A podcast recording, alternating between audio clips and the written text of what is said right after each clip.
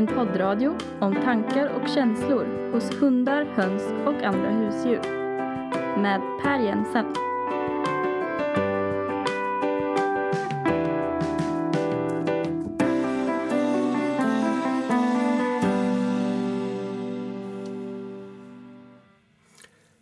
Mona, Mm.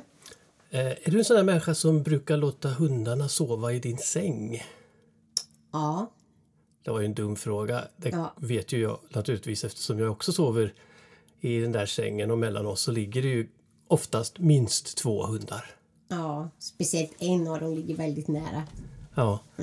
Ehm, och, eh, och det är lite intressant för att eh, det här är ju någonting som eh, du delar och vi delar med väldigt många andra människor. Jag ska berätta lite mer om vad man har kommit på om de här sakerna. Men först ska vi väl hälsa alla välkomna hit till Etologinytt med mig Per Jensen som är professor i etologi och Mona Jensen. Ja, hundägare, biologilärare. Ja. Ehm, och idag så tänkte vi att den här podden inte kommer att ha något eh, genomgående tema sådär som vi ofta har utan det ska bli lite, lite godsaker ifrån eh, forskningsfronten kan man väl säga. Eh, det har nämligen hänt så otroligt mycket under det senaste året så att jag har helt enkelt gjort så att jag har botaniserat lite bland de vetenskapliga arbeten som har publicerats under 2018 och 2019. Och så har jag valt ut några som jag tycker är lite extra kul av olika skäl till att och, och prata lite extra om. Så det tänkte jag bli dagens eh, program. Så temat är inte hundar i sängen då? Nej, men vi ska, vi ska börja där alldeles strax. Och eh, Vi ska också naturligtvis ha med en gäst idag. Eh, det brukar vi ofta ha. Och idag ska vi träffa en genetiker, Katja Nilsson på SLU som jobbar med eh, olika, olika sätt att eh, mäta hur beteenden går i arv hos hundar. Och så. Och så, så Vi har en lite spännande samtal som kommer om lite senare fram i programmet. Mm. Men så var det ju det här med att, att eh, ha hunden i sängen. Eh, det där är ju inte alla som tycker man ska ha. Nej, förr vågade man knappast inte säga det. Det var nästan lite skämmigt. Lite... Ja, lite att man var en dålig människa om hunden sov i sängen. Ja, för det blev Men det har ju ändrats. Alltså, nu vet man ju väldigt många människor som har sin hund i sängen. Ja. Eh, Och man måste ju naturligtvis inte ha sin hund i sängen. det finns ingen lag på det. Utan det väljer man ju själv eh, Eller såklart. hunden väljer. Eller hunden kanske. Eh, Men faktum är att när man tittar på gamla arkeologiska fynd så är det rätt mycket som tyder på att hunden eh, under väldigt, väldigt lång tid, kanske så länge som vi har haft hundar, har varit en familjemedlem och man kan väl nästan gissa i alla fall att de ofta har sovit tillsammans med sina människor. Och det var nog ganska skönt att ha en, säng, alltså en hund i sängen när det var kallt. Ja. Att de har faktiskt varit som små värmeflaskor eller vad man ska likna dem vid. Alltså, Ja, precis. Och, och, och det kan man då se på att de, eh, när, man, när man gräver upp eh, gamla gravar som är tusentals år gamla så är det väldigt vanligt att man hittar människor begravda med sina hundar i positioner som om de ligger och sover tillsammans. ja. Och det är väl ett tecken på att det kanske, det kanske alltid har varit en, en grej att ha hunden i sängen. Men att jag kom att tänka på det här det, ehm, det är för att eh, det publicerades en undersökning eh, som kom i slutet av 2018 här som jag tyckte var rätt så kul. Det är en amerikansk forskargrupp eh, eh, som eh, har tittat, alltså från Florida i USA. Och, och de har tittat precis på det här. Hur, hur vanligt är det att folk har sina husdjur i sängen och hur påverkar det människor? Så den här undersökningen som publicerades i en tidskrift som heter Antrozoos som handlar om just relationen mellan människor och, och eh, sällskapsdjur. Där gjorde man så att man eh, gick ut på nätet med en stor så här, nätbaserad enkät där man ställde en mängd olika frågor till människor som ville vara med. Och av någon anledning som inte riktigt framgår av den här artikeln så ingick det bara kvinnor i studien. Okej. Så vi, eh, Mer svarsbenägna eller? Ja, eller om man ville liksom renodla sin studie. Jag kan inte riktigt svara på varför man hade inskränkt det hela till, till kvinnor. Men eh, det, man, det som fanns med i data när man började titta på det här det var svar från 962 vuxna kvinnliga medborgare i USA. Okej. Och det visade sig att av dem så hade alltså 55 procent av de som svarade på den här enkäten hade eh, minst en hund i sängen. Men det var, det jag menar 55, det var i alla fall inte 90. Nej, det var det faktiskt inte. Och, eh, eh, lite, eh, lite fler kunde man kanske ha tänkt sig att det skulle vara. Men, eh, men det var det resultat de fick här. 31 procent eh, hade en katt i sängen. Okej. En katt men inte en hund. Då. Eh, 57 procent delade säng med en mänsklig partner. Okej. Ja, så där har du ungefär eh, eh, uppdelningen här. Eh, sen gjorde man då, det finns ju en massa sådana här standardiserade sätt att mäta sömnkvalitet och så vidare hos de här människorna. Och man fann inte någon riktigt tydlig effekt av ehm, eh, det här om man har ett husdjur i sängen eller inte på de här objektiva sömnkvalitetsmåtten. Men däremot så såg man en massa andra saker som påverkades av eh, husdjur i sängen. Till exempel så hade hundägarna generellt, eh, de gick och la sig tidigare och gick upp tidigare. Känner du igen det där? Ja. Det är ju inte, det, det är ju inte så sällan att våra hundar, kanske framförallt Nisse, eh, aktivt säger till att nu är det faktiskt dags att gå och lägga sig. Han gör ja. Ja. Ja, han, absolut.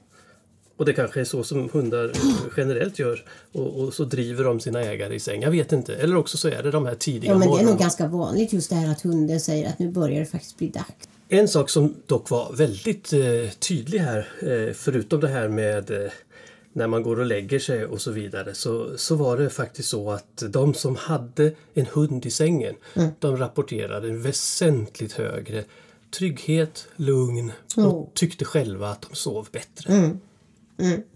Ja, jag med. Ja, det, det stämmer väl ungefär med den känsla som jag misstänker att du har i alla fall.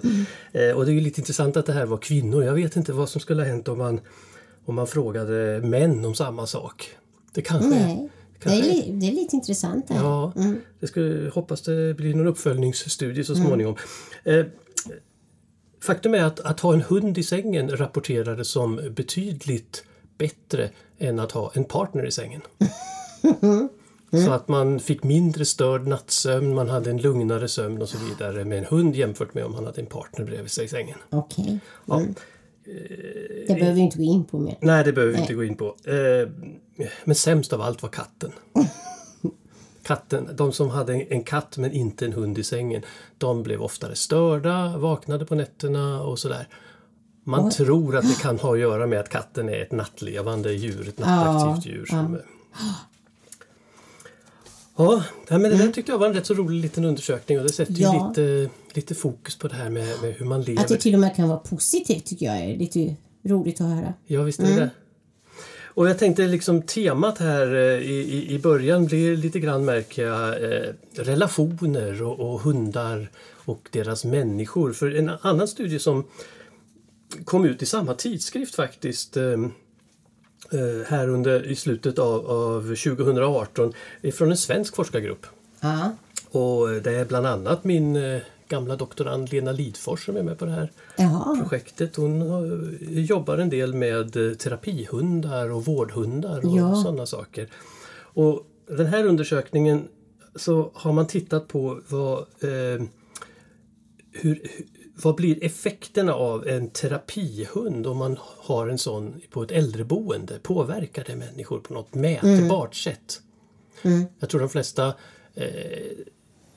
känner sig ganska övertygade om att det är klart att det måste vara positivt att det kommer in en hund på ett äldreboende. Men kan man mäta det på något sätt?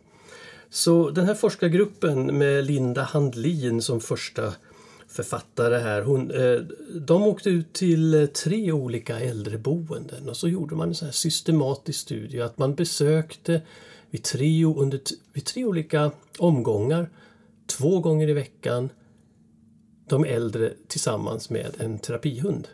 Och så hade man kontrollboenden där man bara besökte dem, alltså bara forskarna åkte ut men de hade inte med sig någon hund. Vad gör de där?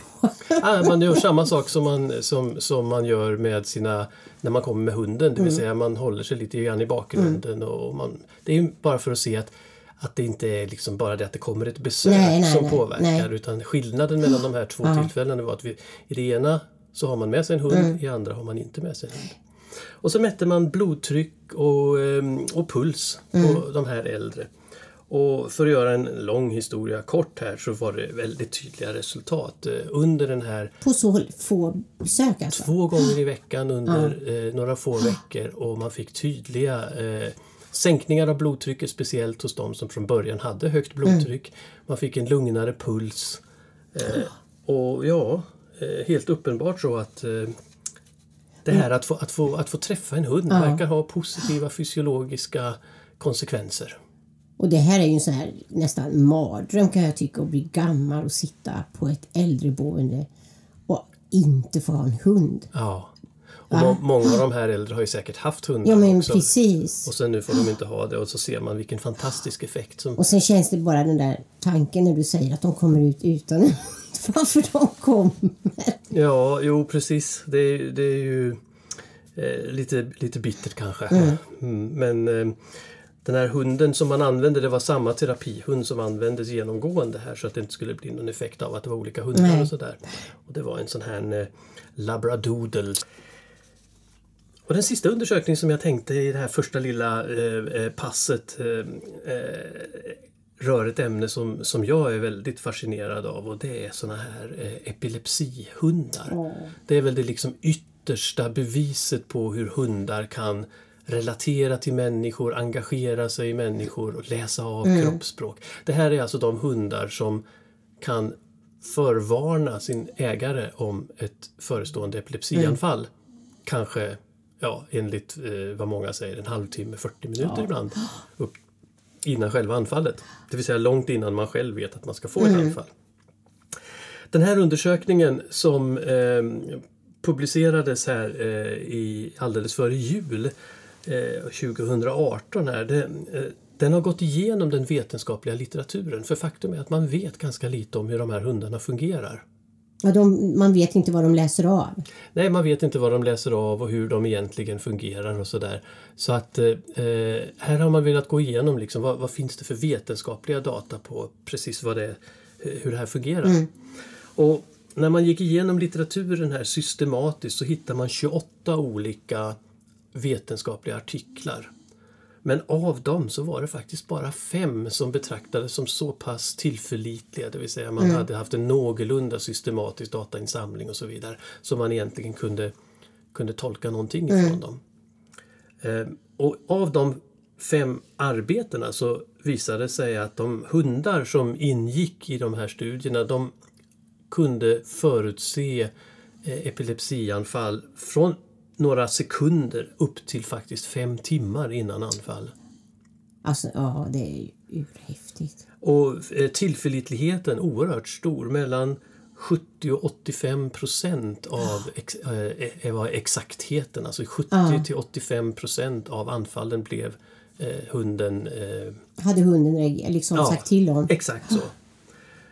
Ehm, man var ju intresserad av att veta om det kan vara, ha någonting att göra med olika raser och så vidare men det verkar inte finnas något sånt. Utan det verkar vara någonting som eh, många olika raser i alla fall eh, eh, är kapabla till. Eh, och sen så tittade man naturligtvis på hur påverkas eh, ägarna av att ha en sån här hund och det är ju inte speciellt förvånande att man då kommer fram till att livskvaliteten ökar väsentligt hos Ja. de som har en sån här hund med sig. Ja. Men den viktigaste slutsatsen ifrån den här det är att vi fortfarande inte vet någonting. Vi det- vet inte hur hundarna funkar, vi vet inte vad de reagerar på. Och Det därför, kan vara både lukt och syn och... Ja, det skulle kunna vara det. Det är väl inte så många som tror på det där med en lukt, men det är väl Nej. inte omöjligt att det finns någonting som, som vi inte känner till, men eh, kanske någonting i kroppsspråket. Eh, Man har ju föreslagit att det skulle kunna vara så att hunden till och med kan känna av de förändringar som, som sker i, liksom i hjärnans magnetiska fält inför ett sånt här anfall. Eh, men ingen vet. Det vore väl roligt att forska på? Visst vore det? Det är något för framtiden. Vi ska träffa nu en som eh, dock har forskat mycket på hundar, på sådant som man kan mäta. Och, eh, vi ska träffa Katja Nilsson. Katja är genetiker, hon jobbar på Sveriges lantbruksuniversitet, SLU. Och jag fick ett eh, samtal med henne på en ganska stökig kafeteria uppe på SLUs eh, fina nya eh, djurvetenskapliga byggnad.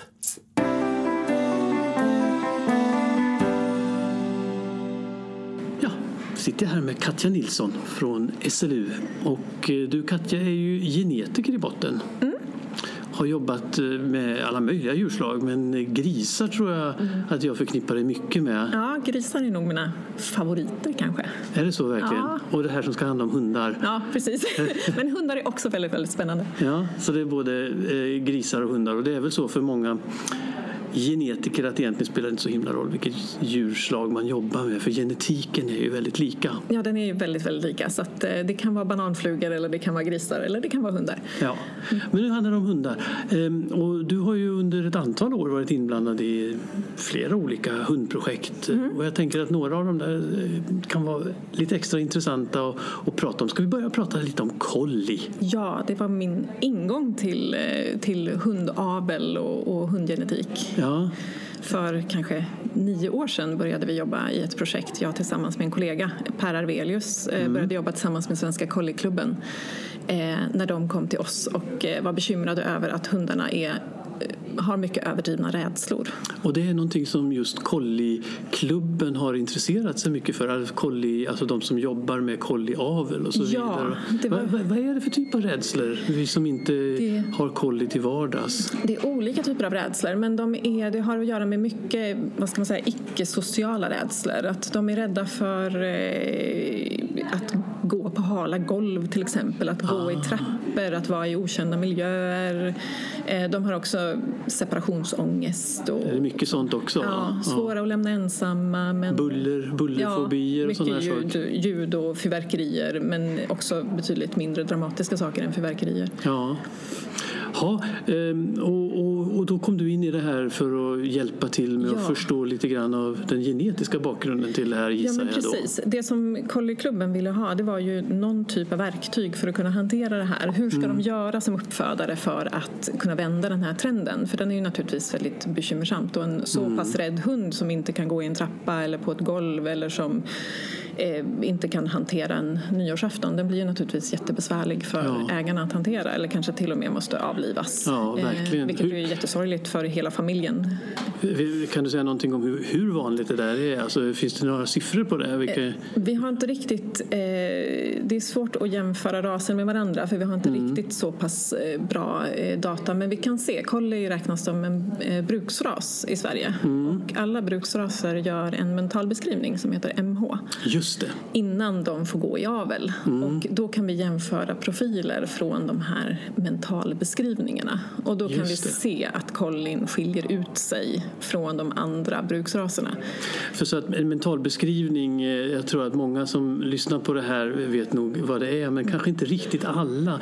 Det, eh, det är någonting som, som man kan då, eh, man åker med sin hund till en bana och, så, och så testas hunden i ett antal olika mer eller mindre skrämmande test skulle jag Ja, kunna säga. det Eller? är olika typer av standardiserade situationer. Det kan vara en overall som flyger upp ifrån marken nära Mm. där hunden går eller ett skramlande ljud. Man testar också hur social hunden är, hur villig den är att leka till, till exempel med en testledare, en främmande person som kommer fram med en trasa och bjuder in till lek. Mm. Eh, vill hunden leka då? Eh, och eh, vill hunden jaga efter en trasa på marken? Och så. Ja, det är lite det. olika typer av beteende som, och de här är ju studerade i, i annan forskning och visar att den här mentalbeskrivningen från den så kan man definiera eh, olika personlighetsegenskaper som är stabila över tid hos hundar. Ja, för det här, det här är ju någonting som är ganska unikt för svenska förhållanden att eh, vi har så otroligt mycket hundar som har gått igenom Verkligen. den här testen och, och det är ett fantastiskt forskningsmaterial. Det är det, verkligen. Och det är jättespännande. Och så att vi ville titta på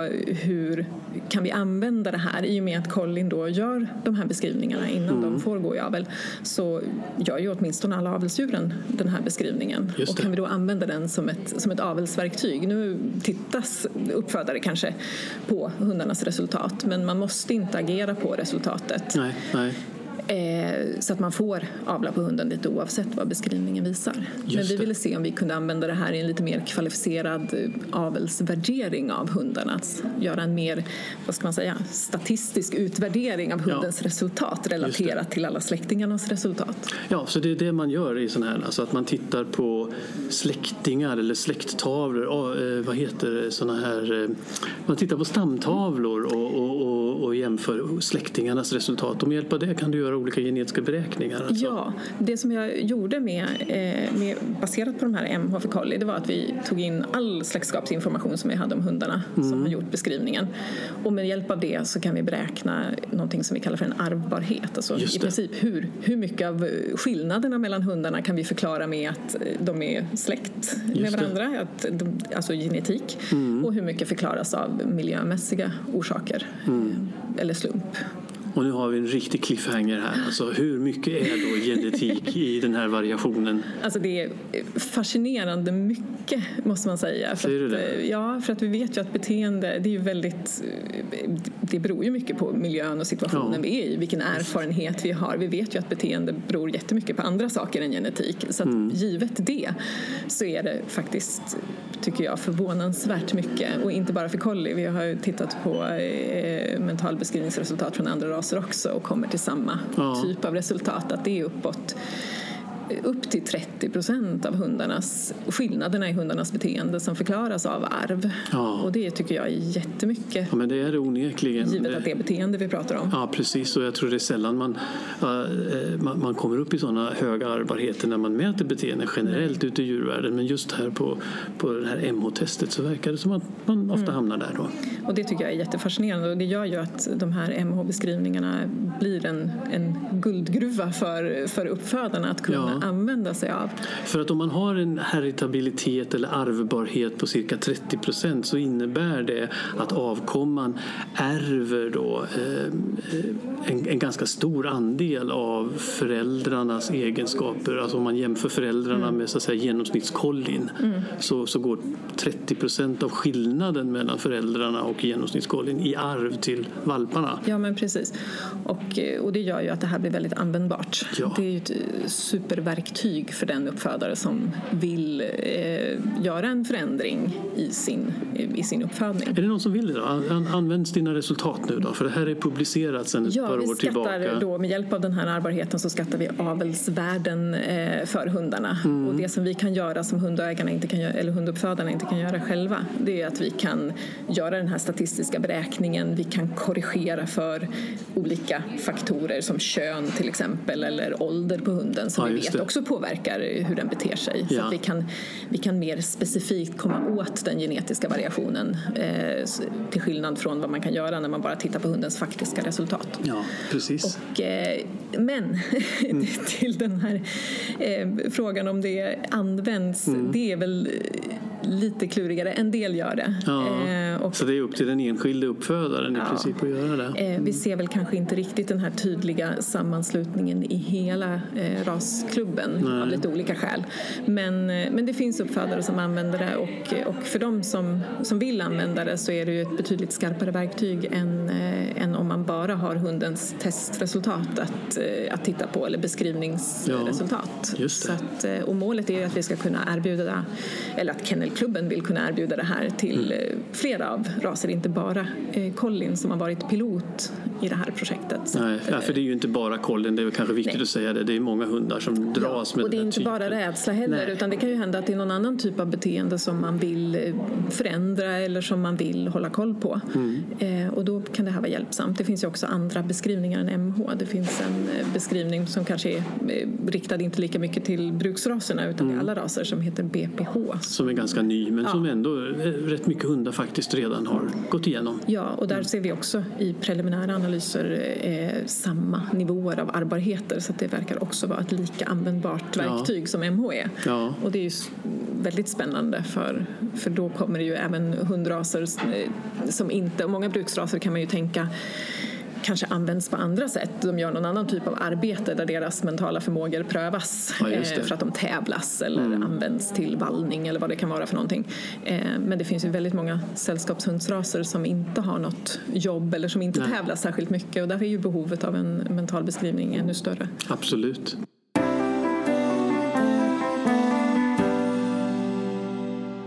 Ja, det var Katja Nilssons forskning på kolli och deras eh, rädslor.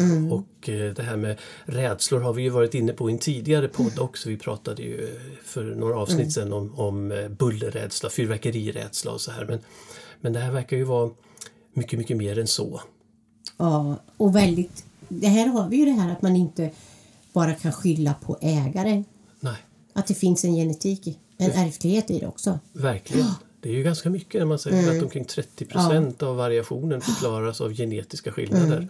Så att, eh, ja, spännande tycker jag att eh, den här forskningen pågår. Och det är Och väl bara, heder åt kolliklubben tycker jag. absolut heder Att åt man liksom Kolliklubben. eh, vågar se problemen.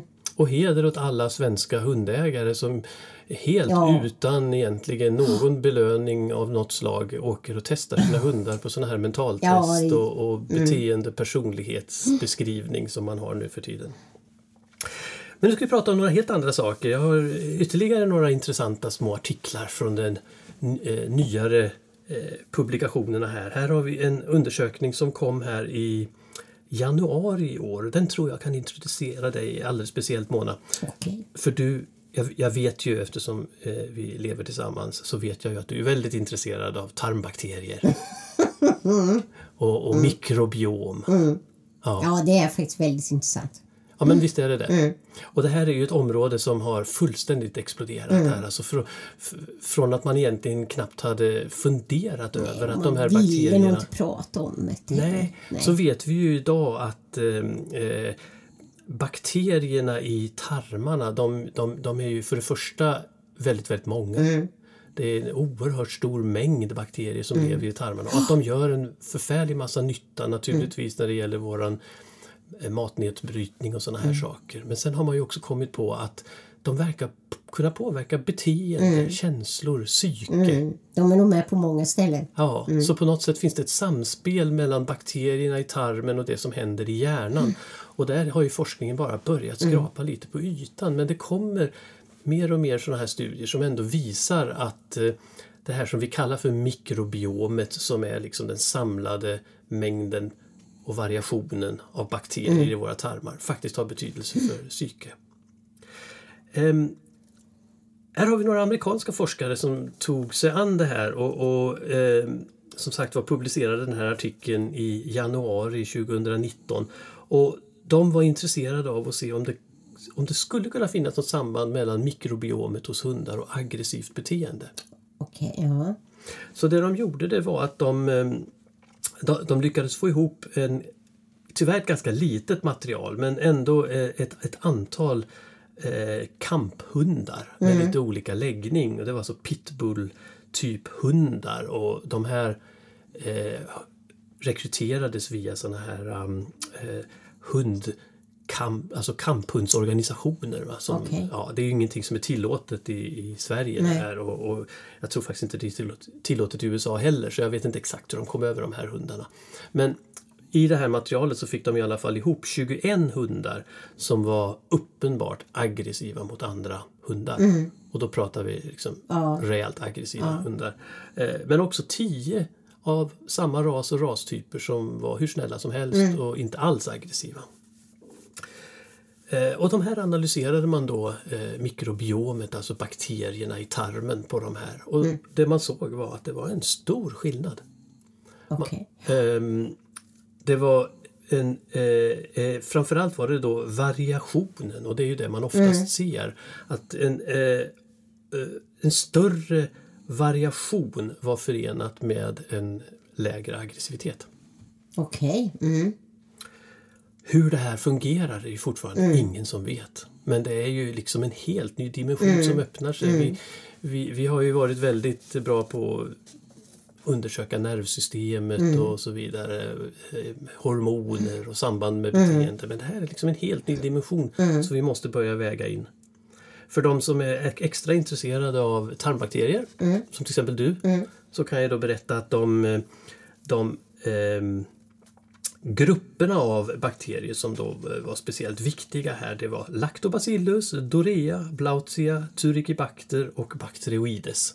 Okej, och de är snälla liksom. Att de var i alla fall de som mest bidrog till variationen. Här. Ja, ja, ja. Precis. Och Ja, det man kan ju inte säga snälla bakterier så. nej, och det här Nej. säger inte mig ett dyft kan Nej. jag ju då trösta lyssnarna med. Eh, Jag tror att du vet mer vad jag pratar om när jag nämner de här namnen på de olika bakterierna. Ja, men det säger ju ingenting hur de påverkar en utanför tarmen så. Nej. Nej, det säger ju ingenting om det alls. Och eh, eh, man poängterar också väldigt noga i, den här artikeln att eh, det är ett litet eh, material, alltså ganska få hundar, men det är en första indikation på att det finns ett, eh, ett, ett samband mellan de bakterier som lever i tarmen och beteendet hos hundar. Sen vet man ju, jag tänker på med hundar och så, att det är väldigt bra att få pussar och så av hundar. En del har tyckt att det är äckligt men att man har sett att allergifrekvenser och sånt minskar om man har, tillgång till hundar när man är liten. Ja, Det är ju bra att veta. det är jättebra att veta. Och, och, Och till och det, med att det är bra att man träffar fler hundar än Ja. bara en. och det kan ju finnas olika mekanismer bakom en sån sak naturligtvis. Men, men, men det är väl en, eh, så också Men att, bakterier att och bakterier- allergier börjar man väl se. Exakt, man ser ju det här sambandet mellan tarmbakterier och allergier. Och, och, och när hunden eh, pussar och slickar oss runt munnen så får vi i oss lite hundbakterier. Som kan låta lite obehagligt kanske men, men eh, om man bara vänjer sig vid tanken lite så är det ju faktiskt rätt så trevligt. Men en annan undersökning som åtminstone gjorde mig lite eh, konfunderad, den kom så sent som för bara ett eh, par veckor sedan i en tidskrift som heter Animal Cognition.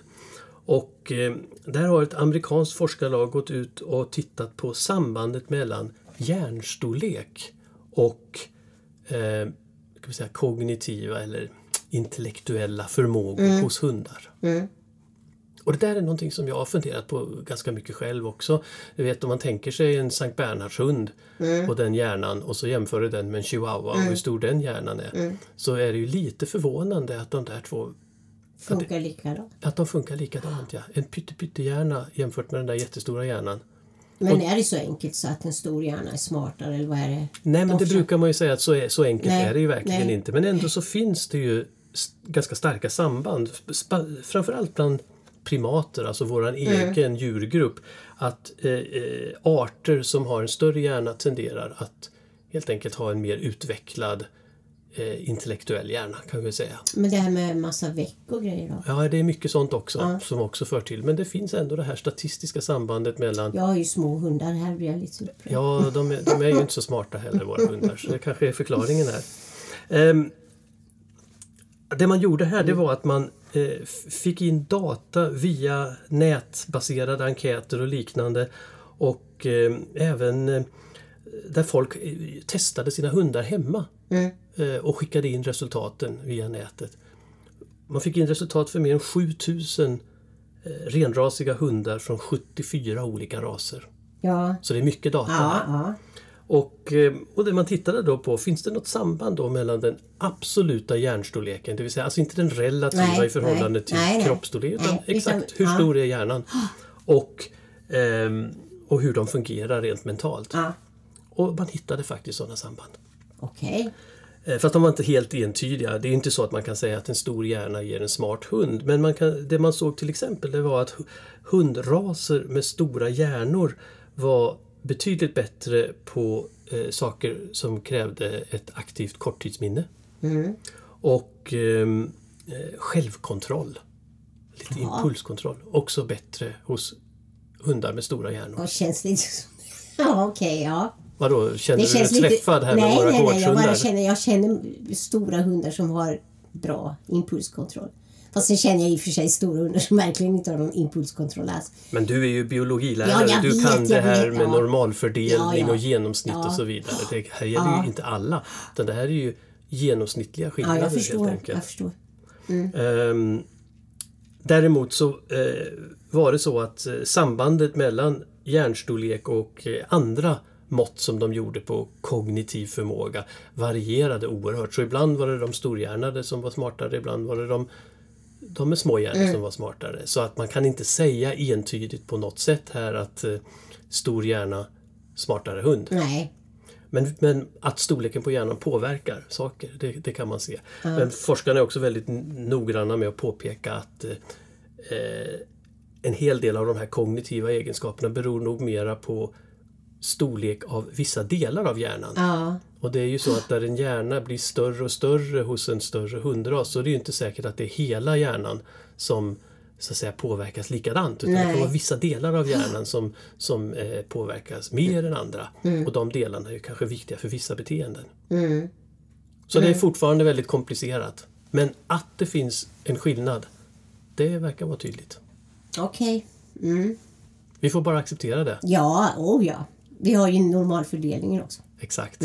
Det kan man alltid förlita sig på. Nu ska vi lyssna lite mer på Katja för jag pratade eh, lite grann mer med henne om eh, andra saker som hon håller på med. Det är nämligen inte bara colliehundar som eh, upptar hennes tid.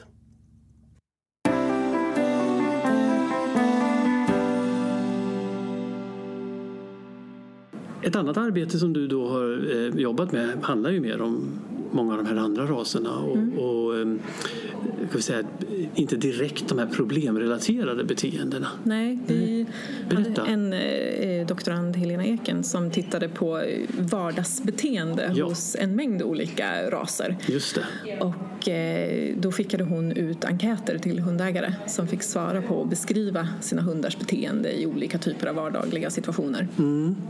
Och det visade ju också stora skillnader framförallt mellan hundraser i hur de ligger i nivå i olika beteenden och det kanske inte är så förvånande. För att De här enkäterna, var det såna här styrda frågor eller var det... Alltså, vi har, det finns ju några såna här standardiserade enkäter. Mm, Det här var en sån som är framtagen i USA som. Seabark Just heter eh, formuläret och då svarar man på i ganska närtid de senaste månaderna hur mycket eller lite av ett beteende som hunden visar eller hur ofta eller sällan Mm. Ja, som. Mm. hunden visar ett visst typ av beteende och det är ganska mycket frågor som rör eh, rädsla och aggression men Mm. även en del andra typer och den där är också väl validerad och man vet att den också definierar olika typer av stabila personligheter hos hundarna. Ja, för det är ju tiotusentals hundar runt om i världen som har Ja. eh, fyllt i, eller hundägarna ska jag ju Ja. säga, som har fyllt i den här enkäten för sina hundar. Ja, precis. Så man vet ju rätt mycket hur, hur det här fördelar sig. Men vad, vad hittar ni i den här undersökningen då?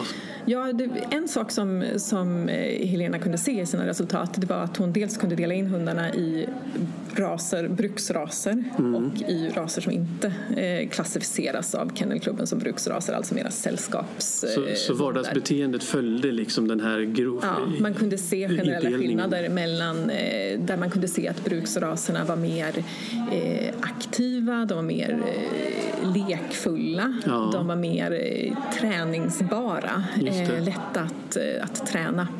Och just den här eh, visa, eh, vi kunde se att eh, just träningsbarhet och intresse för att leka med människor, det var också någonting som hängde nära ihop med varandra. Så Ja, att, det är ju intressant. Ja. Ja, och, men det är inte så svårt att tänka sig att, att har man en hund som gärna vill leka då, då, då är det lätt att interagera med den hunden och också att lära den saker. Så är det. Kan det till och med vara tvärtom också? För det här är ju samband men man kanske inte alltid vet orsak och verkan. Nej.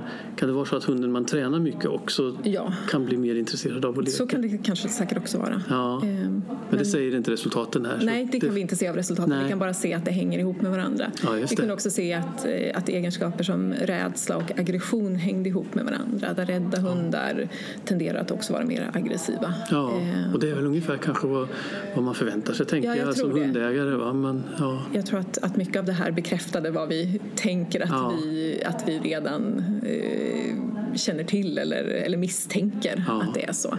Men det är viktigt, viktigt att man har siffror på sådana här kunskaper så att, man, så att det inte bara blir ett allmänt tyckande. Nej. Och det var viktigt för oss också att använda oss av den här enkäten i och med att vi vill föreslå att man använder de här mentalbeskrivningarna som avelsverktyg. Då är det väldigt viktigt också att vi vet att beteendet på mentalbeskrivningsbanan hänger ihop med hur hundägaren uppfattar sin hund hemma i Ja, vardagen. Därför att om vi bara ändrar beteendet så som hundarna beter sig på MH-banan och det sen inte Mm. Nej, ändrar precis. någonting hemma i vardagsrummet då, då har ju avelsprogrammet ingen, ingen poäng. Men det kunde vi se tydligt på colliehundarna som, där vi har validerat MH mot Mm. vardagsbeteende med samma enkät Ja, det. att, att det hänger väldigt tydligt ihop med starka genetiska kopplingar mellan hur social hunden är på MH-banan till exempel med hur social ägarna uppfattar att den är hemma. Intressant. Vad, ehm, just nu då, Katja, har du något eh, hundprojekt som du är inblandad i för tillfället eller är det bara grisar och sånt nu? Det är lite grisar, men vi tittar också på, jag vill titta lite mer på det här enkätmaterialet som vi har från colliehundarna och titta på de här specifika beteendena som Collie-klubben var särskilt intresserad av. Till exempel rädslan för att gå eh, på hala golv Ja. eller hur hundarna, vad hundarna tycker om att gå i trappor och så. De, vissa sådana specifika situationer som, eh, som är problematiska eller Ja. som Collie-klubben har upplevt är problematiska för just collie. Ja, just. Eh, och, eh, och titta på är de beteendena ärftliga också och hur hänger de i så fall ihop med eh, beteende på MH eller andra vardagsbeteenden? För att se om vi kommer åt dem specifikt med, med de här, det här avelsprogrammet som vi har föreslagit. Spännande. Mm, det är jättespännande. Det finns mycket att säga om hundar och genetik men eh, jag tror att vi eh, tackar dig Katja för det här lilla samtalet. Tack så hemskt mycket.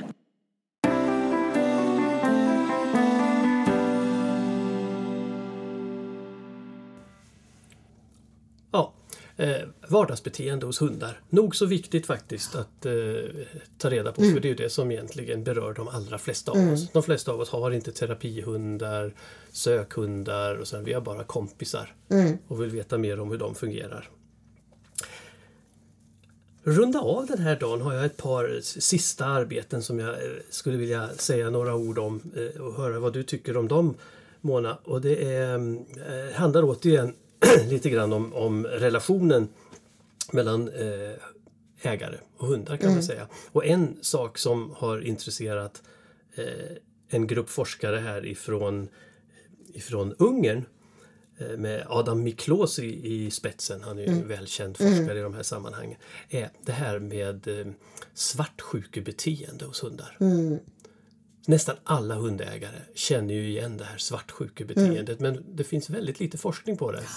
Och eh, det finns skeptiker som säger att nej men hundar kan inte känna svartsjuka. Och så. Men här gäller det då att sätta objektiva vetenskapliga siffror på det här och det gjorde man så att man man testade hundar tillsammans med ägare i eh, eh, situationer där ägaren ägnade all sin uppmärksamhet åt en tredje part som man säger.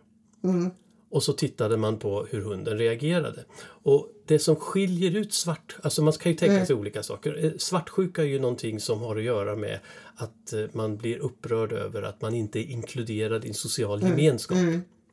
Och följaktligen så borde man inte vara svartsjuk i ordets rätta bemärkelse om ägaren eh, ägnar tid åt någonting som inte är en social varelse, alltså ett föremål till exempel. Så det man gjorde här det var att man testade hunden i olika situationer. Ibland så visade ägaren all sin uppmärksamhet till en annan människa. Ibland till en annan hund, alltså levande sociala Ja, varelser. ja. Ibland till ett föremål, ett dött föremål. men En som, mobiltelefon till exempel. Ja, eh, leksaker, böcker och så vidare. Som ändå upptog all uppmärksamhet och ändå så att säga exkluderade hunden men det var inte en social gemenskap. Och man fann stora skillnader. Man gjorde det. Ja, hundarna var inte alls berörda av att man satt och pysslade med andra grejer. Utan det var när det var en social gemenskap som de inte fick del av. Det var då de visade alla de här typiska svartsjukebeteendena. Ehm, alltså vad är det man skriver här i artikeln? Eh, ägarinriktade beteenden och försök att separera ägaren från testpartnern. Vad var hunden gjorde? De går emellan helt enkelt. De krafsar och river. Ja, Ja, det är så- ganska gulligt. Ja, det är det. Och svartsjukt beteende ehm, det är ju förmodligen en ganska, en ganska väsentlig eh, sak när det gäller att hålla ihop en social grupp. Så det kan man väl tänka sig att alla sociala varelser faktiskt eh, har det här i sig. Ehm, Och, Tänker och, på alla hundägare när man kommer hem med sin första bebis. Ja. Det är smärtsamt kan det vara. ja, ja, det kan vara väldigt smärtsamt. För hunden. Ett beteende som är väldigt närbesläktat och en emotion som är närbesläktad med svartsjuka det är ju ehm, det här med att reagera på orättvisor. Alltså när man själv blir behandlad orättvist. eh, hör till- eh, Ja, ja. Hundar har ju normalt inga problem med att behandla andra orättvist men själva vill de ofta Ja. inte riktigt bli det. Eh, Och det har man ju sett i, i olika sammanhang. Och i den här studien som en japansk forskargrupp publicerade eh, i, i slutet av 2018 där hade man då hundar som eh, fick göra en enkel uppgift som de var tränade på att göra, nämligen att ge ett föremål till försöksledaren. Och så kunde man då välja om man ville belöna med en godis eller inte. kunde man ha två hundar tillsammans och så belönar man den ena men inte den andra. Mm, det är skittaskigt. Ja, det är väldigt taskigt. Och, eh, och det skapar ju en, den här känslan av orättvis behandling. Varför ska han få godis när han ger dig den här prylen? Men jag får ingenting för det. Och det reagerar ju hundarna på eh, väldigt, väldigt snabbt. Och det har man visat tidigare. Men det man var intresserad av här det var eh, om, om det här beteendet på något sätt kunde vara relaterat till ett hormon, nämligen oxytocin. Okej. Mm. Oxytocin har vi nog pratat om tidigare i den här podden. Det är ju det här anknytningshormonet som, som ofta har som funktion att man ökar den sociala bindningen mellan två individer. Så man gjorde så att man eh, testade de här hundarna efter att de hade fått en liten dos oxytocin. Och det kan man ju ge med nässpray så att man sprayar upp lite oxytocin i näsan och vips kommer det ut i blodet. Det visade sig att när de här eh, eh, hundarna hade fått extra oxytocin då blev de mindre känsliga för den här orättvisan. Okej. Och det var alltså som att de, ja det här är en lite förmänskligare tolkning men man skulle kunna säga att de här hundarna plötsligt fick mer förtroende för försöksledaren. Eh, bara för att de hade fått det här extra oxytocinet så verkar de stå ut med att bli lite mer orättvist behandlade. Okej. Så att, Drogade. Ja, lite grann så faktiskt. Ehm, och dessutom så blev de ju, det har man ju sett i tidigare forskning också, de varit mycket mer uppmärksamma på eh, ägaren När de fick oxytocin. efter att ja. de hade fått oxytocinet. Och det st- eh, har ju att göra med den här anknytningseffekten. Ja, men jag menar, får de inte oxytocin, de som blir belönade, får inte de lite som, är det inte som en falsk belöning? Jo, men det är ju lite så också naturligtvis. Att det kan, det kan gå åt det hållet. Men här var det ju då att man administrerade, man gav dem oxytocin och så påverkar man beteendet den vägen och deras känslor. Så att eh, eh, slutsatsen från den här studien är helt enkelt att den här känslan eller förmågan att reagera på orättvisor eh, beror delvis på hormonet oxytocin. För lite oxytocin, då har man lättare att känna sig orättvist behandlad. Så det är lite intressant. Ja, verkligen. Ja, men det här var en liten eh, exposé över sånt som har hänt på hundforskningsfronten här den sista tiden. Små Stort och smått. Ja, stort och smått. Eh, och, eh, och du Mona ska ha tack för att du sitter här och lyssnar och kommenterar alltihop. Och ni som lyssnar ska ha tack för att ni lyssnar på den här podden. Och den musik som vi hör tona in i bakgrunden nu den är gjord av Axel Jensen.